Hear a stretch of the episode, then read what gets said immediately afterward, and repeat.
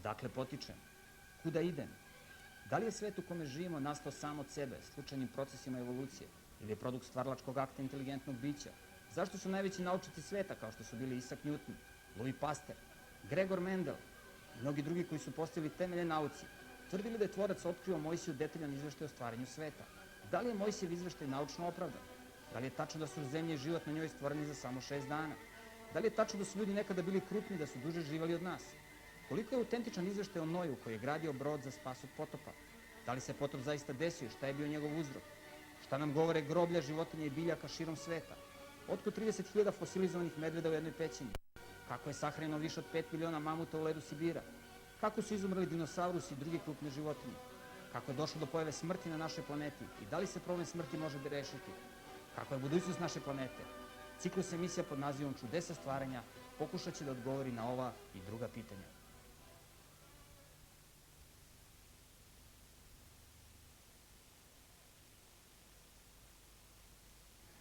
Poštovani gledalci, još jednom vas pozdravljam u ovoj našoj seriji emisija u kojoj tragamo za pitanjima našega porekla. E, jedno od e, osnovnih pitanja jeste kako je nastao život na planeti Zemlji. I generalno postoje dva odgovora na ovo pitanje. Jedan odgovor je da su svi živi sistemi na planeti Zemlji povezani s rodničkim vezama. Dakle, da je život na planeti Zemlji nastao u početku u vidu jednog jednoćelijskog organizma koji je dalje divergirao, odnosno evoluirao u sve današnje oblike života. Sa druge strane, postoji koncept stvaranja koji tvrdi nešto suprotno, koji kaže da su svi živi sistemi stvoreni odvojeno po svojim vrstama ili kako piše u originalnom tekstu, po svojim tipovima. I mi ćemo u ovoj današnjoj emisiji analizirati koji od ova dva modela validan vezano za fosilni zapis. Dakle, imamo koncept evolucije koji tvrdi da je život na planeti Zemlji nastao u vidu jednoćelijskog organizma i postoji to takozvano evoluciono stablo gde se od jednoćelijskog organizma graneju svi živi sistemi. Takođe, kada ovo evoluciono stablo prikažemo na jedan drugačiji način, vidimo da se prolaskom vremena, dakle tokom geološkog vremena, usložnjavala morfologija živih sistema na planeti Zemlji. Sa druge strane, koncept stvaranja tvrdi da su svi živi sistemi stvoreni u početku u vidu bazičnih tipova. Dakle, nisu stvorene sve vrste, na primjer, konja ili pasa ili mačaka, nego je stvoreno nekoliko tipova konja, nekoliko tipova pasa, mačaka, od kojih su, se, od kojih su dalje nastali, nastale sve vrste koje mi, koje mi danas imamo. Dakle, stvoreni su tipovi koji u sebi nose variabilnost cele populacije.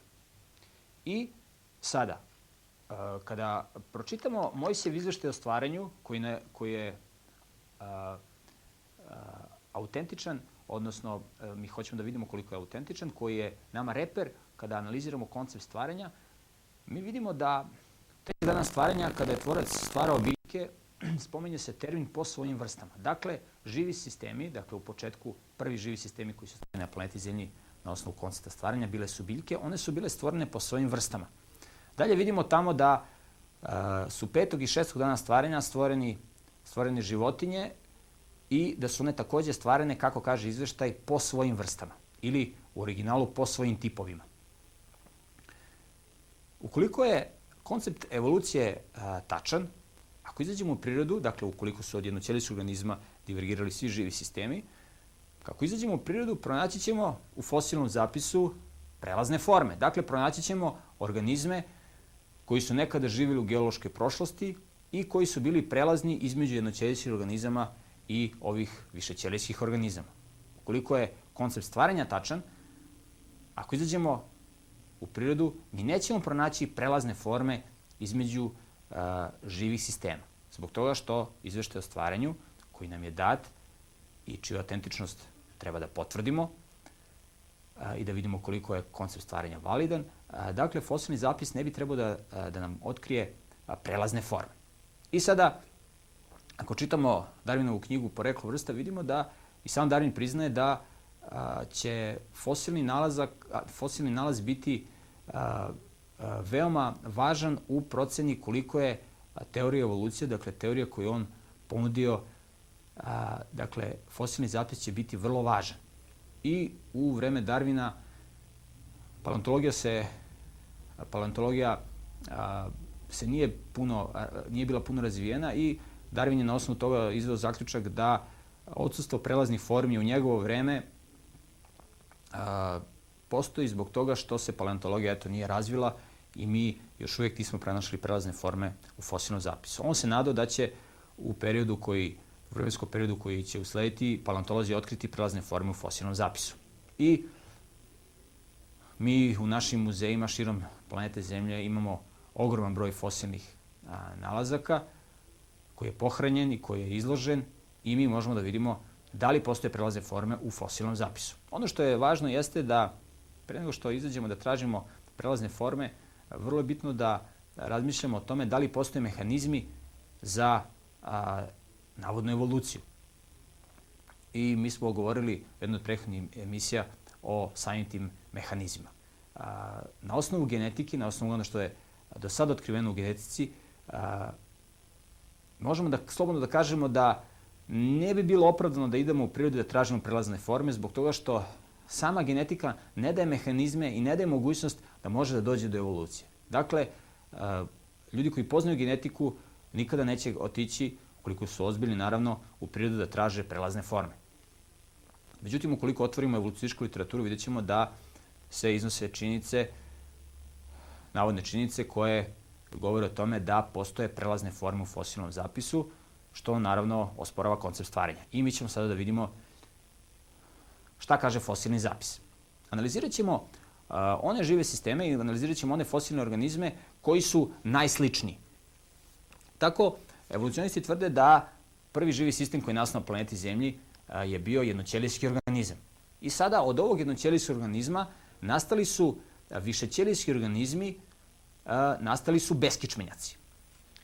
I sada, uh, kada analiziramo evolucioničku literaturu, vidjet ćemo da uh, postoji jaz od oko 3 milijarde godina, prema njihovom računinu vremena, između a, trenutka kada su se pojavili jednoćelijski organizmi i trenutka kada su se pojavili a, prvi višećelijski organizmi. Navodno, jednoćelijski organizmi su se na planeti Zemlji pojavili pre oko 3,5 milijarde godina, a pre oko 500 miliona godina, do 600 miliona godina, kako oni kažu, a, pojavili su se beskičmenjaci. I pojava tih beskičmenjaka je označena kao kambrijumska eksplozija. Zašto eksplozija i zašto kambrijumska? Zato što period od pre oko 500 do 600 miliona godina evolucionisti nazivaju kambrijumom, a zašto eksplozija? Zato što je bila eksplozija života. Dakle, odjednom je život buknuo.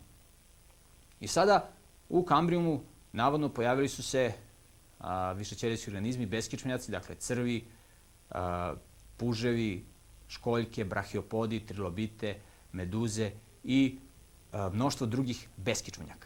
I sada, ukoliko pogledamo fosilni zapis, vidjet ćemo da ne postoje organizmi koji bi predstavili prelaz između jednog jednoćelijskog organizma na nivou bakterije i jedne, na primjer, gliste ili jednog puže ili jedne školjke. Ne postoji nešto što bi bilo između bakterije i školjke. Neki organizam koji bi bio polubakterija, poluškoljka. To do sada nikada nije pronađeno. I a, ukoliko pogledamo literaturu evolucionističku, vidjet ćemo da se o ovom prelazu između jednoćelijskih organizama i, i beskičmenjaka veoma malo govori. Neki kažu da nema prelaznih formi, da one nisu otkrivene zbog toga što a, ovi beskičmenjaci nemaju čvrste delove skeleta, pa nisu mogli da se fosilizuju. Međutim, kada analiziramo fosilni zapis, vidjet ćemo da mi u fosilnom zapisu pronalazimo mnoštvo beskičmenjaka koji su fosilizovani, na primjer, pronalazimo fosilizovane meduze koji imaju 98% a, a, vode u, u svojoj telesnoj građi, a one se veoma lepo fosilizuju i mi ih pronalazimo u fosilnom zapisu. Dakle, to nije odgovor na pitanje zašto ne pronalazimo prelazne forme među jednoćelijskih organizama i beskičmenjaka. Dalje se tvrdi da su ovi beskičmenjaci evoluirali u prve kičmenjake u ribe. I sada opet postoji problem zato što u fosilnom zapisu ne pronalazimo prelazne forme između a, beskičmenjaka i riba. Dakle, nema prelaznih formi između navodnih predaka riba. Evolucionisti ne znaju kako su nastale ove ribe. Upravo odsustvo prelaznih formi se lepo uklapa u koncept stvaranja koji kaže da prelazne forme nećemo ni pronaći.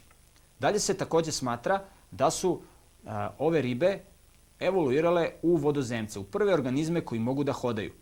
I je rekonstrukcija poznatog evolucioniste Romera, koji je nadstao crtež po kome su ribe šakoperke pre oko 350 miliona godina evoluirale u, u vodozemce, u jednog vodozemca ihtiostegu. Dakle, desilo se to da su a, ovi, ove ribe živele u plitkim jezerima, ta jezera su se isušivala i ovi, ove ribe su jednostavno se prilagodile na nove uslove života, kako tvrdi objašnjenje evolucionističko.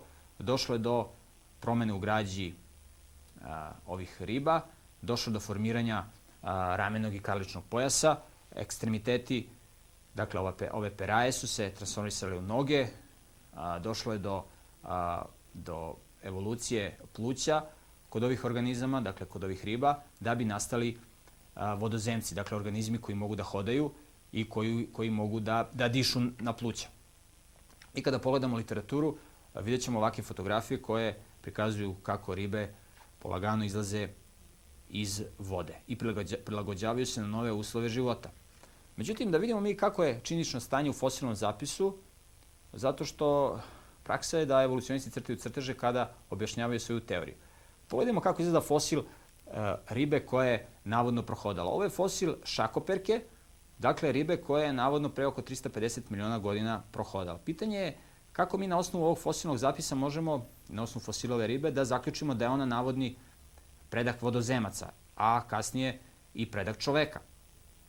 Nema ni, na, ni govora o nekoj naznaci pojave ramenog i karličnog pojasa, jer uh, rameni karlični pojas je vrlo bitan zato što organizmi koji žive na kopnu, oni nose svoju telesnu težinu na ekstremitetima. Ribama nisu potrebne rameni karlični pojas, uh, rameni karlični pojas zato što one plivaju. A, takođe, postoji mnoge druge razlike u građi između riba i vodozemaca. Naprimer, ribe imaju zglobljenu glavu za kičmu, dok je, odnosno imaju fiksiranu, dok vodozemci imaju zglobljenu glavu, tako da vodozemci mogu da pokreću glavu levo-desno, da posmatruju šta se dešava u prirodi, šta se dešava u ambijentu u kome žive. Ribama to nije potrebno, to bi ribama čak veoma nepogodovala. Zamislimo ribu koja bi imala zglobljenu glavu i onda kad najde talas, riba bi imala velike probleme, sigurno. I kada pogledamo fosilni zapis, vidimo da postoje da postoji velika rađa u građi skeleta između ribe i vodozemaca. Evo da pogledamo, na primjer, kako izgleda, a, kako izgleda stopalo vodozemca, dakle na fotografiji desno, i a, peraje ribe šakoperke. Dakle, a, vidimo da ovde nema ni govora o, nekoj, o nekom prelazu, o nekoj sličnosti. Sa leve strane vidimo a, fosilizovano najobičnije peraje jedne ribe. Na, desno, a, na desnom delu fotografije vidimo dakle, ekstremitet vodozemca ihtiostege, dakle ekstremitet jednog a, kopnenog kičmenjaka. Dakle, očigledno na osnovu fosilnog zapisa vidimo da a, tu nema ni govora o nekoj o nekom prelazu. Takođe se smatra da su ove ribe šakoperke, koje su navode evoluirale u vodozemce, pre oko a, 70 godina izumrle. Kako znamo da su izumrle? Pa evolucionisti kažu izumrle se zbog toga što zadnji put ih u fosilnom a, nalasku pronalazimo u stenama starim navodno 70 miliona godina. I one su dakle živele u nekom periodu od pre 350 miliona godina do pre 70 miliona godina kada su izumrle. Međutim, 40. godina ovoga veka u morima kod istočne Afrike, ova riba šakoperka je uhvaćena živa. Dakle, ribari su uhvatili a, ribu šakoperku i onda je došlo a, do velikog uzbuđenja među naučnicima koji zastupaju te evolucije, jer su smatrali da bi a, ovaj fosilni nalazak mogao da da objašnjenje i da odgovori na pitanje evolucije vodozemaca, a kasnije i čoveka. Detaljno analizirana ova riba šakoperka i ustanovljeno je da je to prava pravcata riba, da nema ni govora o nekim a, nagoveštajima da je ova riba mogla da hoda. Ova riba je izložena danas u muzejima, ona je i preparirana. Dakle, u pitanju je prava pravcata riba.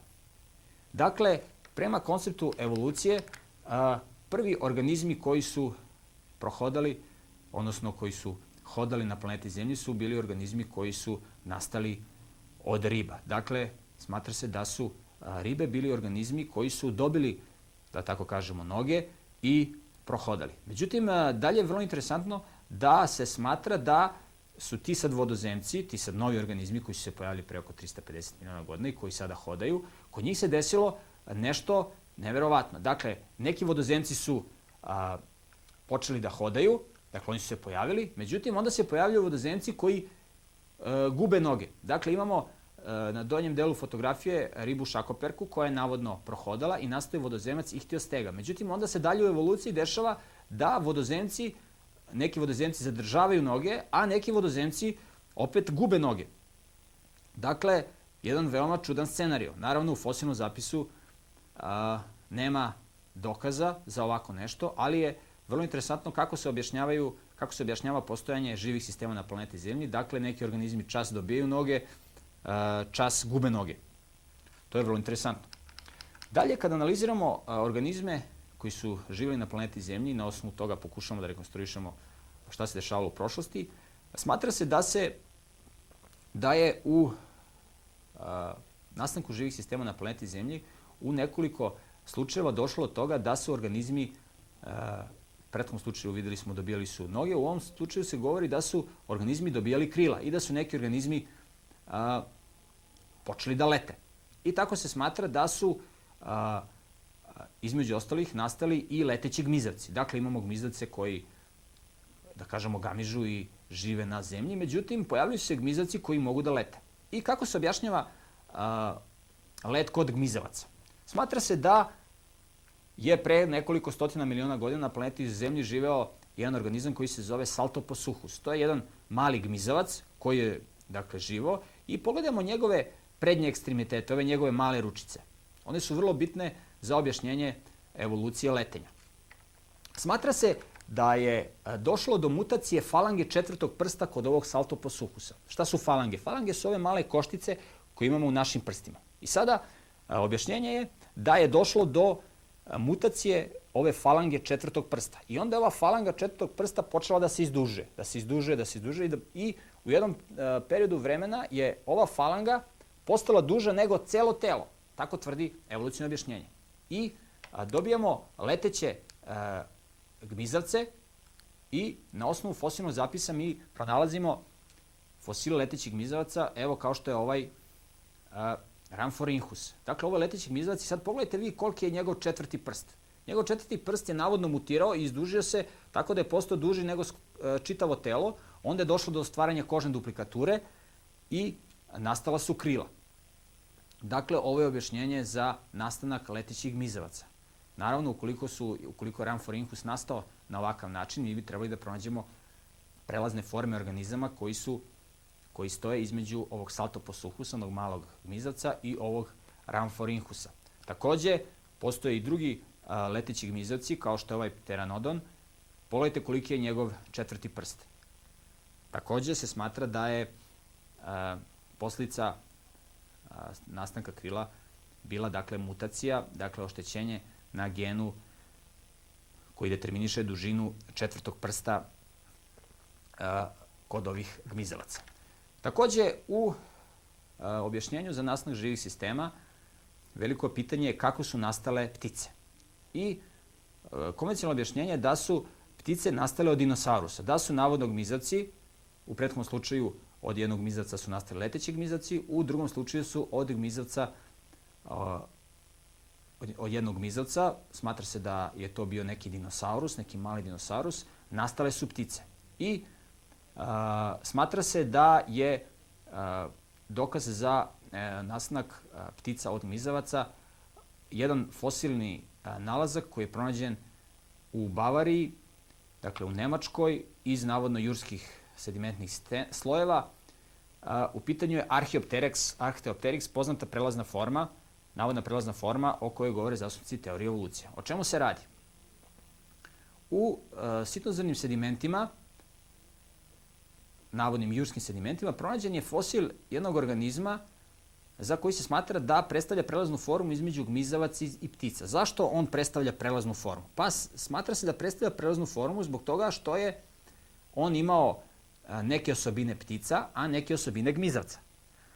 Na primjer, osobine koje je on imao, a gmizavačke su osobine, jesu, na primjer, kanđe koje on imao na svojim krilima, zatim imao je zube u svojoj vilici i smatra se da je bio loš letač, dakle, gmizavci u početku nisu mogli da lete i on je bio, dakle, loš letač. E, imao je, na primjer, perje na svojim krilima, pa se smatra da je to osobina ptica. Dakle, smatra se da on predstavlja jedan mozaik između gmizavaca i ptica. I evo možemo da vidimo kako se objašnjava navodna evolucija dakle ptica. Dakle, bio je jedan dinosaurus, ovde označen zelenom bojom, koji je dalje evoluirao u Archeopteryxa crvenom bojom i kasnije su od Archeopteryxa nastale ptice. I evo kako izgleda rekonstrukcija uh, Archeopteryxa, dakle, to je bila jedna poluptica, polugmizavac, koja je mogla tako slabo da leti i mogla je da se vere uz drveće, da skače i da tako razvija svoju sposobnost letenja. Međutim, koliko je jedno ovako objašnjenje validno? Koliko je naučno validno? To što je Archaeopteryx imao a, kanđe na svojim krilima, smatram da nije dokaz da je on prelazna forma među gmizavaca i ptica. Zašto? Zato što i danas postoje a, ptice koje imaju kanđe na svojim krilima. Jedna od takih ptica je i hoacin. Hoacin je ptica koja ima kanđe, kao što vidimo na ovoj fotografiji, na svojim krilima, tako da može da se hvata za granu. Takođe, mladi turako, jedna druga ptica, ima kanđe na svojim krilima. Takođe, noj, dakle ptica, ima kanđe u svojim krilima. Drugi argument vezan za zube a, je vrlo interesantan i mi možemo da vidimo da ovo objašnjenje kaže da to što su to što Archaeopteryx imao zube, da je to primitivna osobina, zato što su gmizavci primitivni organizmi od ptica, jer su ptice nastale od gmizavaca i sad to što a, Archaeopteryx ima zube je primitivna osobina, a, nemanje zuba kod savremenih ptica je navodno napredna osobina. Mi možemo da vidimo da postoje u raznim grupama životinja postoje organizmi koji imaju i nemaju zube. Na primjer, postoje ribe koje nemaju zube, postoje ribe koje imaju zube. Takođe, imamo isto kod vodozemaca. Postoje vodozemci koji imaju zube i vodozemci koji nemaju zube. Takođe i gmizavci koji imaju i koji nemaju zube. Isto tako je slučaj i sa sisarima. Dakle, postoje sisari koji imaju zube i sisari koji nemaju zube. I konačno, šta pronalazimo kod ptica? Kod ptica takođe pronalazimo da postoje ptice koje imaju zube i koje nemaju zube. Tako da ne bi mogli da kažemo da je da su zubi gmizavačka osobina. Naprimer, mi pronalazimo a, fosilne ostatke ptica koje takođe su imale zube. Takav je slučaj sa pticom a, i pticom Hesperornis. To su fosilne ptice koje su imale zube, dakle, koje su koristile zube u svom životu. Dakle, posjedovanje zuba kod Archeopteryxa nije dokaz da je on navodno prelazna forma. Takođe, tvrdnja da Archeopteryx bio loš letač a, nije tačna zato što kada je analizirano fosilizovano pero Archeopteryxa vidimo da je ono asimetrično. Dakle, ova središnja cev a, na peru ne prolazi kroz sredinu pera, nego je asimetrična, dakle pomerena u stranu, što je osobina dobrih letača. Znači, Archeopteryx je bio dobar letač. Dakle, a, nije tačna konstatacija da je Archeopteryx bio loš letač i da je to navodno jedna od osobina koja ukazuje na to da je on bio prelazna forma. Mi na osnovu fosilnog zapisa ovog Archeopteryxa nedvosmisleno možemo da tvrdimo da je Archeopteryx bio prava pravcata ptica. Archeopteryx je posledao dve osobine koje imaju samo ptice i nijedni, nijedan drugi organizam. Prva osobina je posjedovanje perja, perje posjeduju samo ptice, Archeopteryx je imao pticu, e, imao perje i druga osobina je da je Archeopteryx posjedovao jednu grudnu kost koja se zove furkula ili voljka, dakle kost koju imaju samo ptice. Dakle, Archeopteryx je bio prava pravcata ptica, on nije bio nikakva prelazna forma između gmizavaca i, i a, ptica. Dakle, a, ono, što je, ono što može da bude a, validno i što može da bude važno u ovom našem razmatranju jesu činjenice, jesu naučni argumenti do kojih mi dolazimo i koje možemo da vidimo.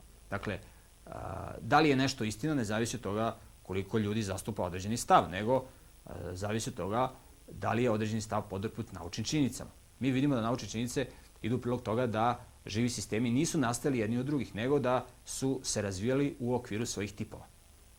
Dalje, kada idemo na skali sličnosti ovih organizama i kada a, kako se usloženjava morfologija, anatomija živih sistema, dolazimo do tačke gde možemo da upoređujemo, odnosno gde se upoređuje navodna sličnost između a, gmizavaca i sisara. Smatra se da su sisari nastali od, od gmizavaca. Kako? Pa, navodno došlo do evolucije tako što su a, znojne žlezde a, gmizavaca evoluirale u mlečne žlezde kod sisara, došlo do formiranja dijafragme, na primjer sisari imaju dijafragmu, gmizavci nemaju dijafragmu. A, došlo do, do mnogih drugih a, morfoloških i anatomskih promjena, međutim ona promjena koja je za nas vrlo interesantna i koja je možda najuočljivija jeste promjena vezana za a, donjoviličnu kost i za a, ušne kosti. Navodno smatra se da je u evoluciji a, gmizavaca a, došlo do toga da se da je došlo do transformacije ove donjovilične kosti u ušnu kost. O čemu se radi? Na gornjem delu fotografije vidimo donjoviličnu kost jednog gmizavca. A donjovilična kost a, gmizavaca je sastavljena iz nekoliko delova. A, donjovilična kost sisara, prikazana na donjem delu fotografije, sastoji se iz jednog dela. I evo možemo da vidimo kako izgleda a, lobanja jednog gmizavca. Dakle, donjovilična kost je sastavljena iz nekoliko delova. Sa druge strane, a, gmizavci imaju jednu ušnu kost. Dakle, gmizavci imaju jednu ušnu kost, a više donjoviličnih kosti. Sa druge strane, sisari imaju jednu donjoviličnu kost, a tri ušne kosti. I sada se smatra, prema teoriji evolucije, da su dve donjovilične kosti migrirale u ušni region i formirale ušne kosti sisara. Dakle, dve donjovilične kosti su migrirale, pomerile se. Kako su mogle da se pomere? Ne postoji objašnjenje, ali došlo je do formiranja a, ušnog sistema sisara. Odmah da kažem da je ušni sistem a, sisara izuzetno složen. A, samo da spomenem kortiv organ koji sisari posjeduju, koji je sastavljen iz oko 3000 lučnih delova, susnih lučnih delova koji formiraju jednu, jednu izuzetno složenu strukturu u ušnom regionu sisara. Da li je moguće da je, da je ovako složen sistem mogao da nastane od dve donjovilične kosti koje su se pomerile od gmizavaca? Ostavljam vama da sami zaključite. I onda dolazimo na, u područje sisara, gde se takođe smatra da postoje dokazi o navodnoj, o navodnoj, o navodnom prelazu jednih sisara u druge. I jedno od e, najčešće pominjanih prelaznih formi u evoluciji sisara jeste prelazna forma vezana za evoluciju konja. Naravno, smatra se da su konji nastali od jedne male životinje, jednog malog konjića, eohipusa, dakle, to je ova životinja nacrtana skroz dole, koji je dalje evoluirao sve do savremenog, do savremenog konja. I kada pogledamo evolucijno stablo, vidjet ćemo da je ovaj Eohippus evoluirao u Orohippusa, pa ovaj u Epihippusa i tako redom sve do savremenog konja Ekusa. I kao argument za ovakvu evoluciju iznose se fosilizovani fosilizovani ekstremiteti konja gde se prikazuje kako je došlo do evolucije noge konja tako da smo imali kod e Ekusa kod Eohipusa, dakle ovog prvog malog konjića, kako ga oni zovu, imali smo pet prstiju i dalje se ti prsti redukuju sve do savremenog konja Ekusa gde imamo samo jedan prst.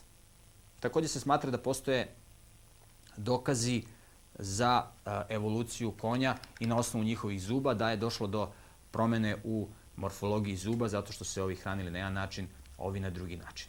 Međutim, koliko je jedno ovako objašnjenje tačno? Ono što je interesantno jeste da što možemo da zapazimo jeste da prvi u nizu ovih konja, taj navodni Eohippus, u stvari nije bio konj. Njegov početni naziv je Hirakoterium. E, zašto Hirakoterium? Zato što ukazuje na hirakse, ukazuje dakle na kuniće, odnosno zečeve. E, konstatovano je da je taj prvi navodni konj imao, imao jastuke na, na svojim stopalama, dakle imao je građu stopala sličnu današnjim zečijim, odnosno kunićima. Tako da on u stvari i nije bio konj, on je bio a, neka vrsta zeca, ali je u ove svrhe upoređen i a, prihvaćen kao a, prva karika u nizu evolucije konja. Takođe, mi možemo da vidimo na osnovu fosilnog zapisa da postoje petoprsti, troprsti i jednoprsti e, organizmi u ovom nizu, ali da prelaznih formi nema. Zašto je uzet baš ovakav niz evolucije od, trop, od petoprstih preko troprstih pa do jednoprstih? Zašto nije uzet neki drugi niz? Analiziramo a, fosilni zapis još jedan put. Dakle, imamo Eohipusa, a, koji je živeo navodno pre 40 miliona godina, zatim je on evoluirao u meri hipusa pre oko 15 miliona godina i ovaj konačno u ekusa, dakle, evolucija u smeru da se broj prstiju smanjuje. Dakle, stariji konji su navodno imali veći broj prstiju, a mlađi konji su imali manji broj prstiju. Međutim, u Južnoj Americi su pronađeni konji a, tako da je najmlađi konj imao tri prsta, to je ovaj Makreuhenija, pa je onda Diadiaforus imao a, opet tri prsta gde se dva a, kao redukuju i konačno ovaj Toaterium je imao a, jedan prst. Dakle, ovde imamo da je, naj, da je najmlađi organizam imao tri prsta za razliku od prethodnog slučaja.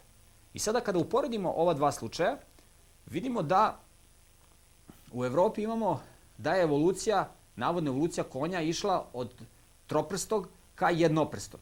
A, a dole imamo da je troprsti bio najmlađi i navodno je troprsti konj a, mogao da evoluira od ovog jednoprstog. Zašto nije uzeta evolucija od jednoprstog ka troprstom, a ne a uzeta je evolucija od troprstog ka jednoprstom.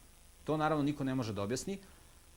U svakom slučaju postoje velike nelogičnosti u ovoj evoluciji konja. Takođe, kada analiziramo broj rebara kod ovih konja, vidjet ćemo a, velike nelogičnosti. Ako se zaista, ako je zaista došlo do evolucije u građi ovih konja, to bi mogli da analiziramo i da primetimo i po broju rebara. Međutim, mi vidimo da je ovaj prvi navodni konj, odnosno ovaj zec, na osnovu njegove građe možemo da zaključimo, dakle ovaj Eohippus ili Hirakoterium, ponavljam, ima 8, 18 pari rebara, zatim se broj rebara smanjio na 15 kod e, Orohippusa, dakle gore desno, onda je broj rebara a, se povećao na 19 da bi se smanjio kod Ekusa na 18.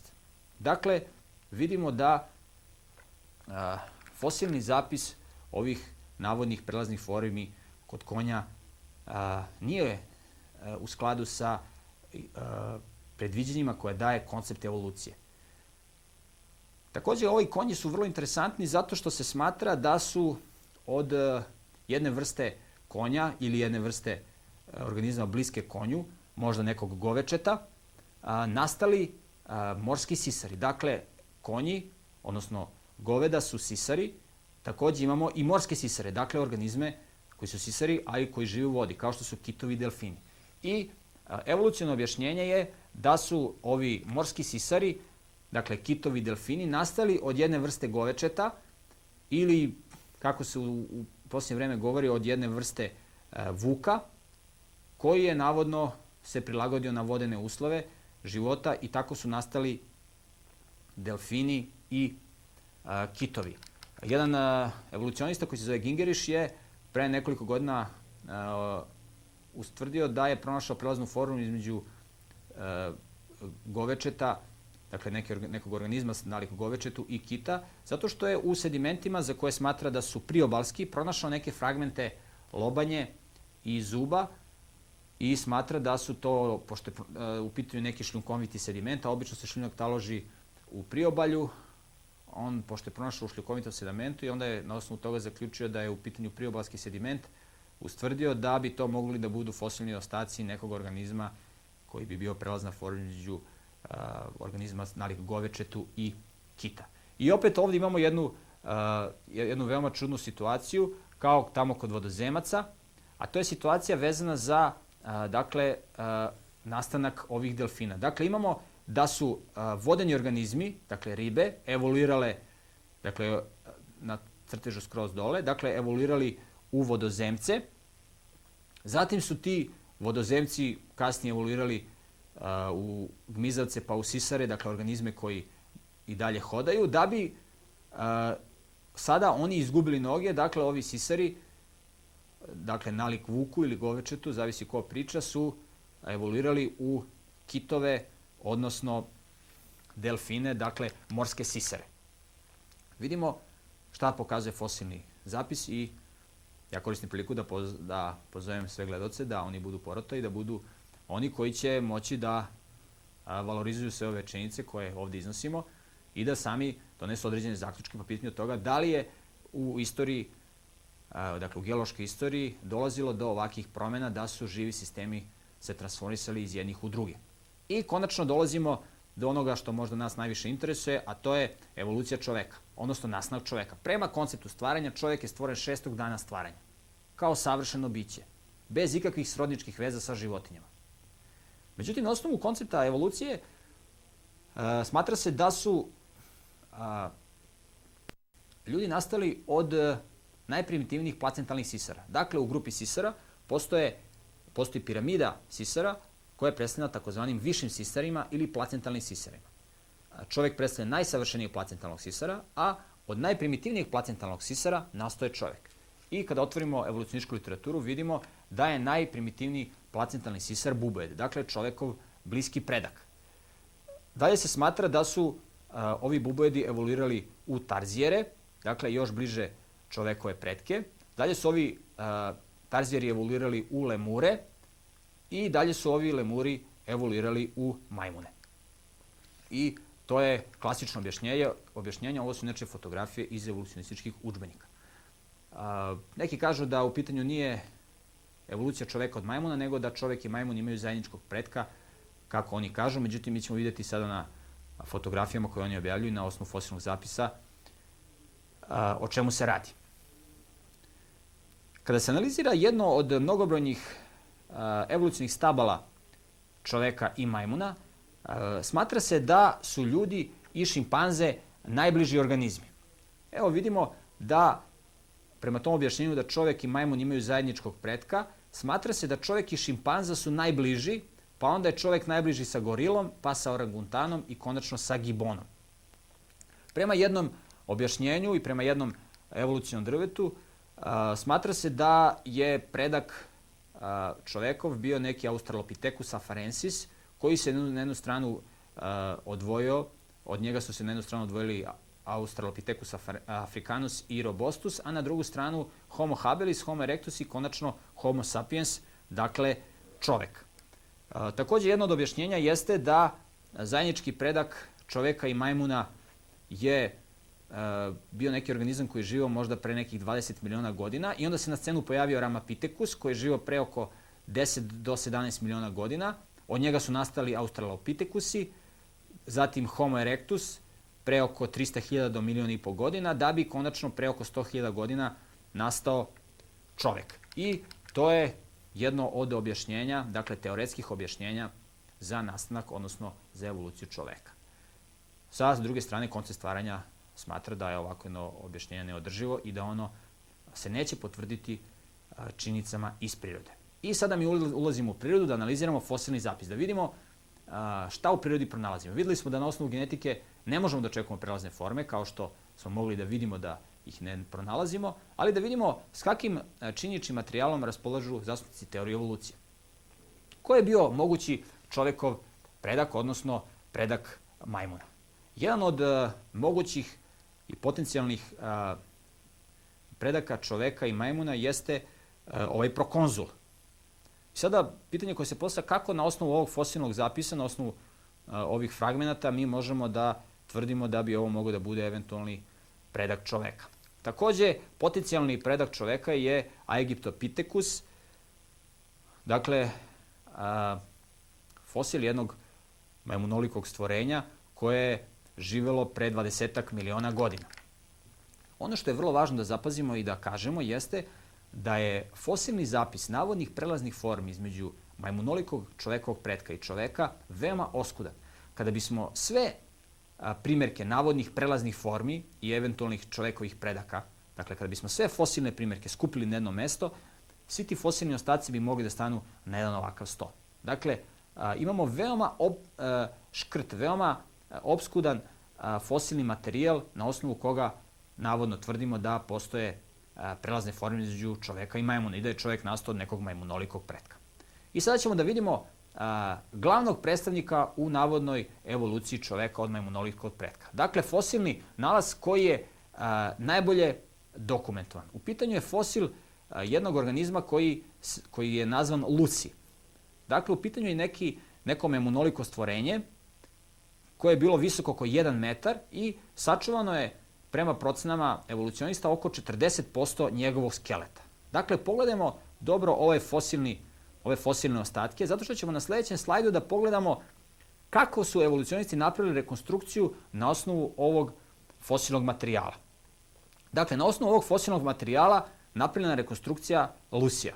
Inače, ova, ove fotografije su objavljene i ove rekonstrukcije su objavljene u jednom od najpoznatijih evolucionističkih časopisa, National Geographicu, koji se štampa u tiražu od 8 miliona primjeraka. Dakle, časopis koji se štampa u velikom tiražu i koji, koji čita a, ceo svet. Dakle, a, na osnovu veoma škrtog fosilnog zapisa, dakle ovo je fosilni zapis, prave se rekonstrukcije. Ne samo da se pravi rekonstrukcija kako je to biće moglo da izgleda, nego i a, kako je to biće živelo. I evo iz časopisa National Geographic vidimo kako je Lucy i a, njegovi saplemenici ili njegovi a, njegove kolege iz Krda, kako su zajedno živele pre nekoliko miliona godina na planeti Zemlji.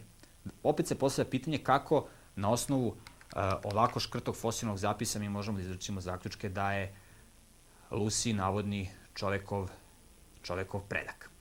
Uh, takođe je vrlo interesantno da vidimo na, na primer onog Ramapithekusa, onog prvog tamo u onom nizu, koji je navodno živio pre 10 do 17 miliona godina.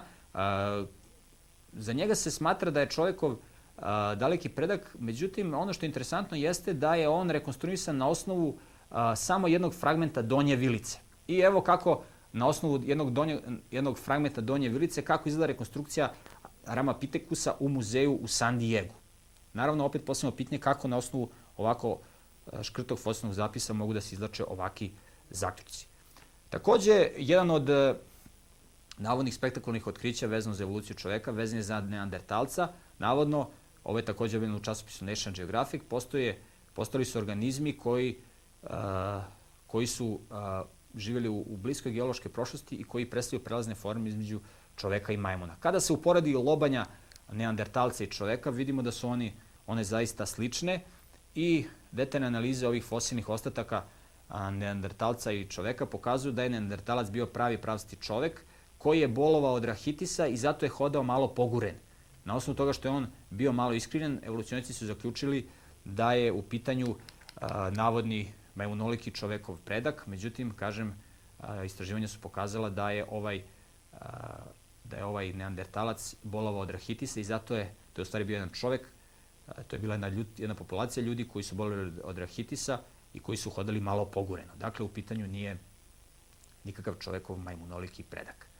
I sada, konačno, kada pogledamo evolucijni niz lobanja čovek, majmunolitih predaka pa sve do čoveka, vidimo kako to izgleda. Dakle, ovo je takođe objavljeno u, u National Geographicu. Dakle, vidimo od navodnih najstarijih čovekovih predaka, majmunolitih predaka, pa sve do čoveka kako izgleda fosilni zapis. Na osnovu ovog fosilnog zapisa napravljena je sledeća rekonstrukcija. Dakle, vidimo da su to organizmi koji navodno trče, majmunoliki organizmi, polu majmun, pola čovek. Dakle, ovo su sve crteži i rekonstrukcije, a mogli smo da vidimo kako izgleda fosilni zapis. Dakle, sa jedne strane imamo koncept da su živi sistemi evoluirali od jednoćelijskog organizma, sa druge strane imamo da su svi živi sistemi na planeti Zemlji stvoreni odveno po svojim tipovima, po svojim vrstama.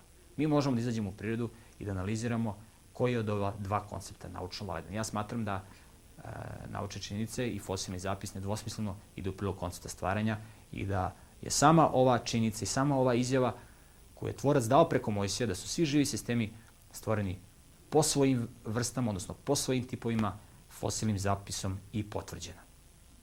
U nastavku a, ove naše emisije moćete da ogledate video materijal koji će baciti još više svetla na pitanje prelaznih formi, a do sledeće emisije ja vas sve srdečno pozdravljam.